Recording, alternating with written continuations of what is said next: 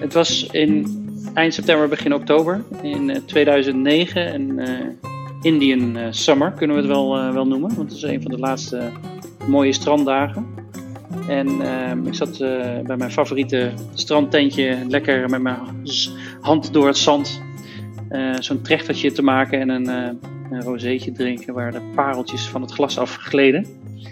En ik was echt in, in topvorm. Het was, alles was goed. het leven was fantastisch. En ehm, de zon zakte langzaam in de zee. En het was tijd om te gaan. Het werd Indian Summer, maar het werd wel wat fris. En ehm, tijd om te gaan om het duin op te klimmen. En um, zoals ja, je dan kan nagenieten van het uitzicht over die Weidse zee en die rode gloed die er boven hangt. Die zilte lucht die er is. Het struck me. Ik, ik zag wat ik altijd zag, maar nooit bewust voelde.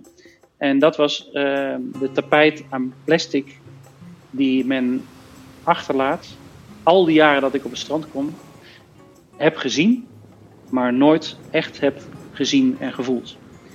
En het getijde, dus het, eh, het, het, werd vloed en um, uh, ik zag letterlijk door het beetje wind wat er was, dat echt al dat plastic, niet een beetje, maar al dat plastic letterlijk de zee in werd getrokken. Kom maar hier met, die, met dat plastic. Dat, zo leek het. En dat besef heb ik nog nooit eerder gehad. Ik heb het altijd gezien, en toen zag ik het en wat ik me toen realiseerde, het is weg. Dus zodra het in die zee uh, ligt, uh, is het weg. Uh, out of sight, out of mind. Het kan niemand meer wat schelen, want je ziet het niet. de zeeën zijn van ons allemaal, maar ook van niemand. who's taking care of it? Je hoorde Marijn Everaerts, oprichter van Dopper. Na dit besef in 2009 was Dopper de volgende dag geboren. Voor als je Dopper niet kent, ze maken hervulbare waterflessen en hebben één missie: de petfles de wereld uit. Marijn ziet dus hoe al dat plastic opgeslokt wordt door de zee en gaat naar huis. En uh, het, het, borrelde echt in mij uh, de frustratie hoe kun je dit niet zien? En hoe kon ik het ook niet zien al die jaren? Wij zijn toen uh, s'avonds thuisgekomen en toen werd er voor het eerst uh, de uitzending. Uh, en was er voor het eerst een mini-documentaire bij één vandaag over de plastic soep. Dus dingen kwamen zeg maar echt bij elkaar. De sterren stonden zo dat ik het allemaal heb moeten ervaren en meemaken. Ik kocht één keer in de zoveel tijd een sixpack Evian. En uh, wij kwamen op de bank samen tot die bewustwording dat uh, dat petflesje dus diende als vehicle om kraanwater te vervoeren. En niet als petflesje mineraalwater. Dus niet, het ging niet om dat het mineraalwater zo bijzonder was. Het ging erom dat je wil, water wil drinken. In de podcast Wat is succes? ga ik op zoek naar mensen die in hun leven een andere definitie hebben gekregen van succes. En wat triggerde die verandering? Voor mij was dat een boek. Voor Marijn deze avond op het strand, met daarna het zien van een documentaire over exact hetzelfde onderwerp. Ik vroeg aan Marijn wat zijn definitie van succes is. Hij antwoordde met je inzetten voor. Voor de wereld uh, een, een een leefbare wereld. En daar bedoel ik mee een gezonde wereld. Uh, en uh, ja, de definitie om bij dit succes te komen, is denk ik inzichtelijk te maken wat, uh, hoe makkelijk het zou kunnen zijn voor ons allemaal om individueel daaraan bij te dragen. En ik denk dat je dan door te zien wat jij als individu kan doen, kan bijdragen aan het grote geheel. Uh, dat dat het succes is. En dat je dat succes dus bijna elk moment van de dag zou kunnen vieren, omdat je er onderdeel van bent. Dus uh, dan zou jouw definitie zijn bijdragen aan een mooiere wereld en een gezondere wereld elke dag. Als individu en weten dat je onderdeel bent van een groter geheel. omdat ik denk dat heel veel mensen zich niet beseffen dat ze, elke stap die je zet, die heeft, uh, die, uh, heeft een gevolg. Mm En ja, als je die de goede kant op zet, de positieve kant op, dan ben je met z'n allen verantwoordelijk voor, voor die betere wereld. Dus de, de weg naar succes voor mij als een, vanuit mijn jeugdherinneringen is het om niet bewust, maar onbewust zelfverzekerder te worden. En ja, die, een, een, een triomf te kunnen vieren voor jezelf, waar je op kan terug kan kijken, waar je trots op bent. Dat is voor mij uh, uh, de definitie van succes in mijn jeugd geweest, waarna je uh, later kijkt dat je in, ik ben in de horeca dan opgegroeid, om het zo maar te zeggen, mijn opleidingen gehad, waar je dan in functies omhoog kan gaan en dat ziet als een, een volgende stap naar succes. En daarmee gaat ook de ladder van, uh, van geld uh, natuurlijk spelen. Uh, waarin je, nou, je, ik in ieder geval, um, ook meer te besteden hebt. En dat als een vorm van succes ziet als je af en toe eens kan sparen voor een Michelin-ster restaurant uitje. Wat dan de kroon op het werk is van alles, al die inzet die je dan de afgelopen tijd hebt, hebt gedaan. Um, en dat is dan een smakelijk succes. Maar dat komt voort uit, uit de drang om um, om succesvol te zijn en meer geld te kunnen verdienen en een hogere functie uh, te ambiëren. En ik, dat was heel erg gestoeld op mezelf. Dus dat ging heel erg over uh, mijzelf. En ja, dat is eigenlijk in de, in de jaren. Nou goed, ik kom uit ja, de event business als, als laatste voordopper. Ehm, waar ontzettend veel vervuiling is. En uh, we waren trots dat we de terreinen altijd schoon achterlieten en dat alles netjes in de prullenbak belandde. Maar dat heeft wel zaakjes geplant van oké, het, succes is ook om, uh, om voor deze wereld te, te gaan zorgen. In plaats van zorgen dat we netjes opruimen. Maar je hebt wel een mega footprint achtergelaten.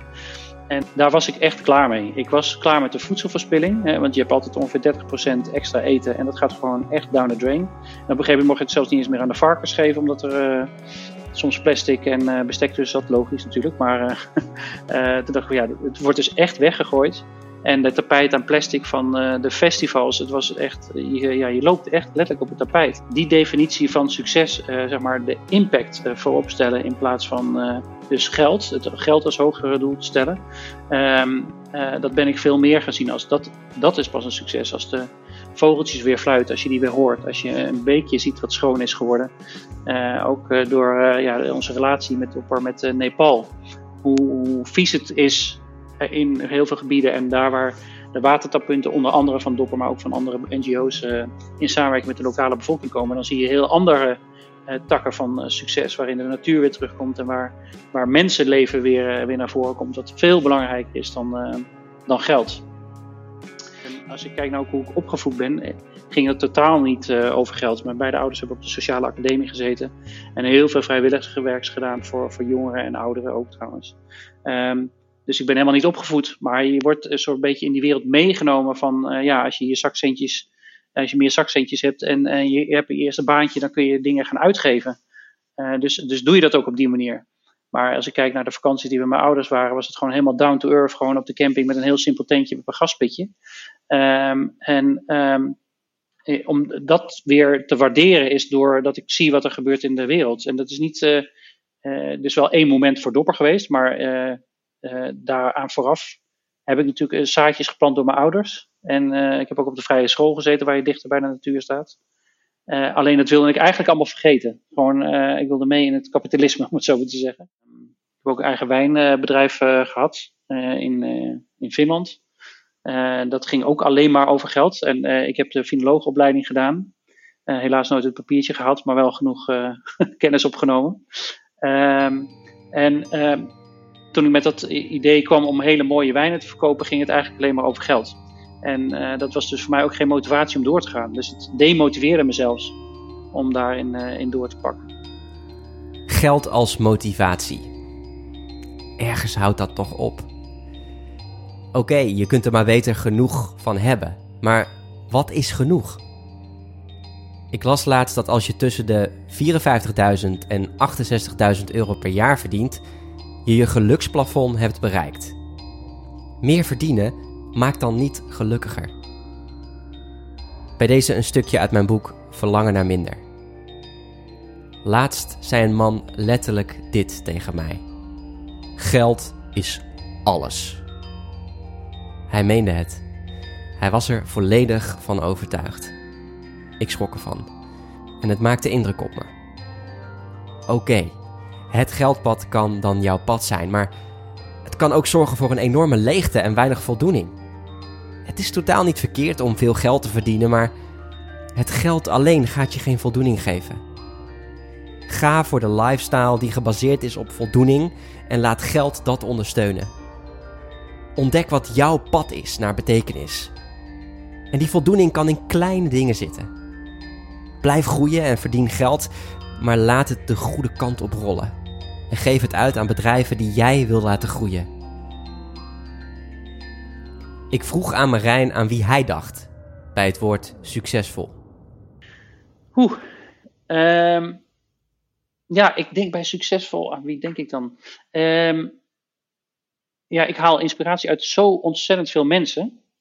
En dat vind ik, eh, denk ik ook, eh, ja, dat is, dat is ook mijn uh, inspiratie. Ik kan wel zeggen Elon Musk, maar dan denk ik ook van ja, geen idee, dan roep ik wat iedereen roept of zo, weet je wel. Het is zeer inspirerend om te zien dat iemand zo doorpakt. dat vind ik hartstikke mooi om te zien. Maar laat ik dicht bij mezelf blijven en wat, nou, wat waar, waarvan ik denk dat echte fans zijn. Waar ik heel veel inspiratie uit haal, ehm, is kunst en, ehm, en architectuur en design. Ehm, en dat is uh, omdat het uh, je, je hersenen activeert. Uh, en dan noem ik hm. nu ja, Marina Abramovic. Heel erg conf nou, confronterende kunst. best wel hard en on the edge. En ehm, dat past denk ik ook wel een beetje bij mij.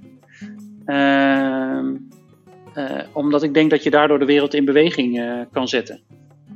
Beetje chockerend ook misschien. Ja, het mag best chockend zijn om wakker geschud te worden voor, uh, voor een probleem of voor juist een oplossing. Uh, dus dat vind ik wel uh, heel mooi. Dus dat is, ja, ik zie dat ze veel foto's maakt. Ja, ja, foto's en ze heeft levende kunst eigenlijk. Zij zelf is vaak het onderdeel van het kunstwerk. Dus zij voelt letterlijk wat de audience van haar kunst vindt. Dus zij gebruikt haar lichaam ook heel veel. En dat heeft ze ook ah, samen met haar partner veel gedaan. Dus dat, is, uh, dat vind ik wel heel mooi om te zien. En um, ja, als je het hebt over design en ontwerp, uh, uh, ik noem het zo even, ik schud het niet uit mijn mouw, maar ik, ik noem er even een paar voorbeelden. Dus ik denk dan ook aan mensen zoals Thomas Rauw bijvoorbeeld, een, een, schitterende architect die helemaal circulair denkt. dat is een mhm. super inspiratie, want die ene architect die zet dan een gebouw neer, maar al iedereen die daarin werkt of in woont, uh, die draagt dat ook weer uit. En dat vind ik zo mooi aan, aan kunst en aan, uh, aan design. Is mensen gebruiken het en mensen zien het en worden daardoor geïnspireerd. Dus dat vind ik, uh, nou, dat vind ik super mooi.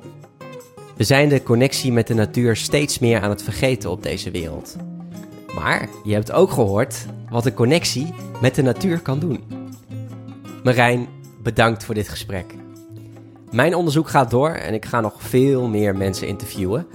Misschien jou wel. Laat me weten of jouw definitie van succes is veranderd door te gaan naar growthinkers.nl/slash survey.